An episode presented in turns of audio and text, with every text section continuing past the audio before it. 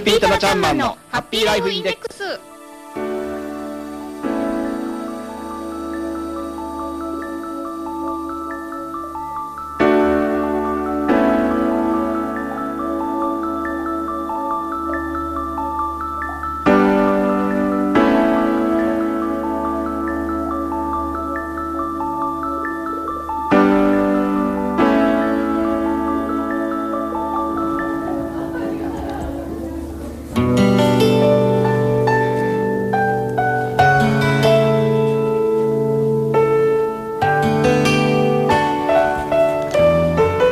FP タナちゃんマンのハッピーライフインデックス。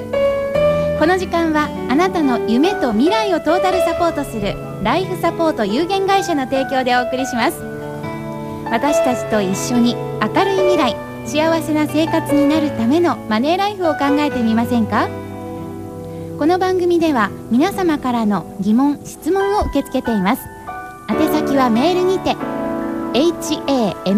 hama hama.p-wave.ne.jp ハマアットマーク p-wave.ne.jp です。皆様からのご意見ご質問お待ちしています。さあそれでは早速一級ファイナンシャルプランニング技能士ライフサポート有限会社代表のタナちゃんマンをお呼びしましょう。タナちゃんマン。はい、こんにちは、この橋です。今日もよろしくお願いします。こちらこそよろしくお願いします。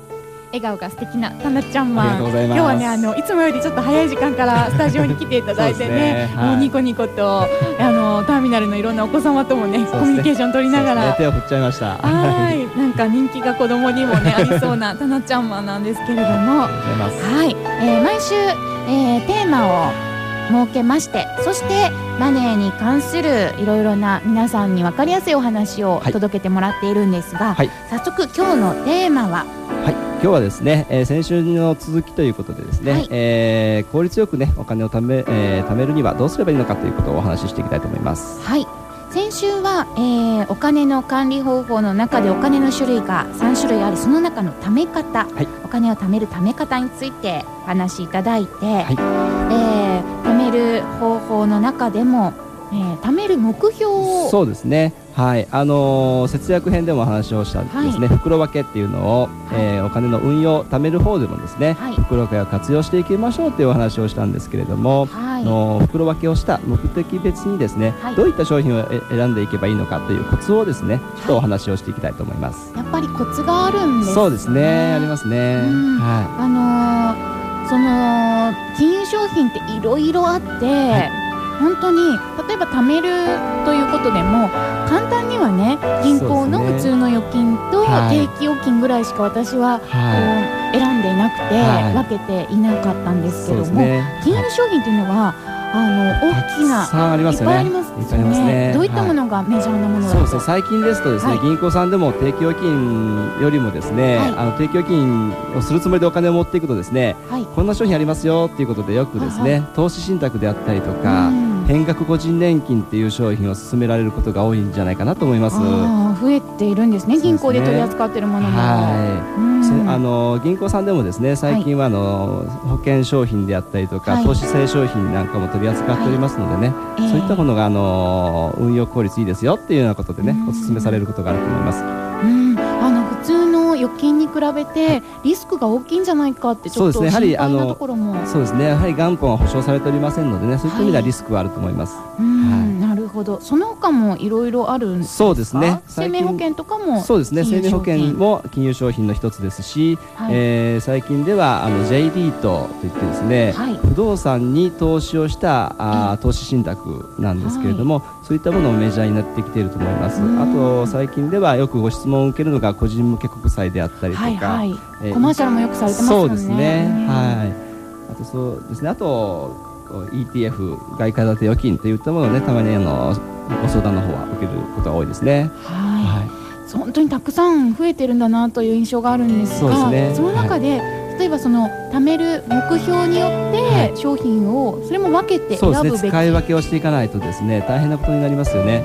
例えばあのーおお金の色分けの中でお話をした、あー緊急の時のために残しておくお金だったりありましたよね、そのお緊急のために、えーいつでも引き出せるようにしておかないといけないお金。でなのでね。例えばそういったものでしたら、はい。元本の保証されている商品じゃないと、はい。い、つ何が起こるかわからないお金ですのでね、うんえーリスク性の商品ではちょっと困ってしまうんじゃないかな。と思いますね。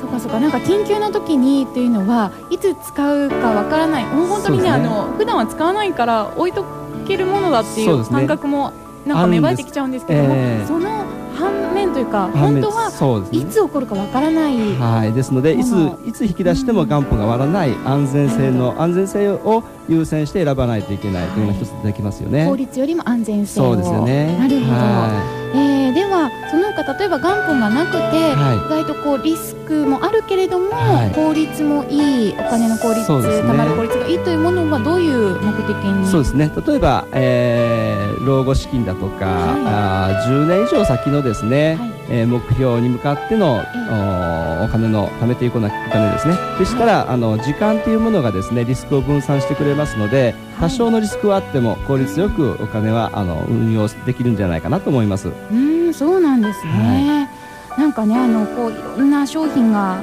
ある中で、はい。本当にあのなんとなく素人としては、はい。安全なものじゃないとダメなんじゃないかっていうそうですね。やはり安全性そのリスクという言葉がね、ええ。どうしてもその敏感になってくると思うんですけれども、リスクというのは、ええ。あのある程度コントロールはできますのでね。あそうなんですね、はその種類によってきちんと選んで使い分けを商品もすれば、い。はえー自分が困ってしまうことにはならないということなんですね。いはい。よくね、うん。事務所にお越しいただく方でね、あのよく受けるご質問なんですけれども、えー今どういう商品が一番いいんですかっていうことをよく聞かれるんですよね。そうなんか。普通に聞いちゃいそうです、はい。それそれはやはり、えーどじゃあ何の目的のためにお金を、運用しようと思ってるんですかっていうところから入らないとですね、えーどんなにあのいい商品であっても、はい。私にとっていい商品であってもえ浜口さんあ原口さんにとってね、はい。い、い商品とは必ずしも言い切れないというところが出てきますので、えなるほど、はその方の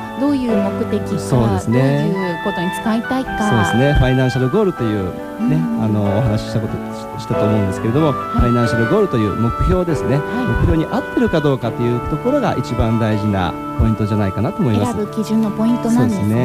ははい。なんとなくこう自分の中でも基準になるものが今まではなかったんですけども、なのでこう安全なものしか自分はダメかなといい、うそうですね。余裕がねすごくお金の余裕がない場合は安全なものしか手を出しちゃいけないのかなと思ってたんですけど、はい実はそうじゃないということないですね。が分かってきました。はい、あ りがとうございます。ははい。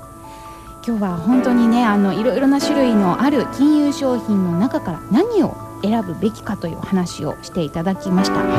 タナちゃんも今日のまとめを一言で言うと。ね。はい、一言で言うと金融商品の選びはまずゴールの設定からということで、えー商金融商品をね選んでいただければと思います。はいわかりました、えー、FP タナちゃんマンのハッピーライフインデックスこのコーナーは、えーマネーに関する質問疑問などを受け付けています。今後扱ってほしいテーマなどもぜひお寄せください。宛先はハマゾの専用アドレスまで。hama.p-wave.ne.jp ハマ -p-wave.ne.jp またファックスでも大丈夫です。ファックス番号零五九三五零零五六五零五九三五零零五六五ぜひお寄せください。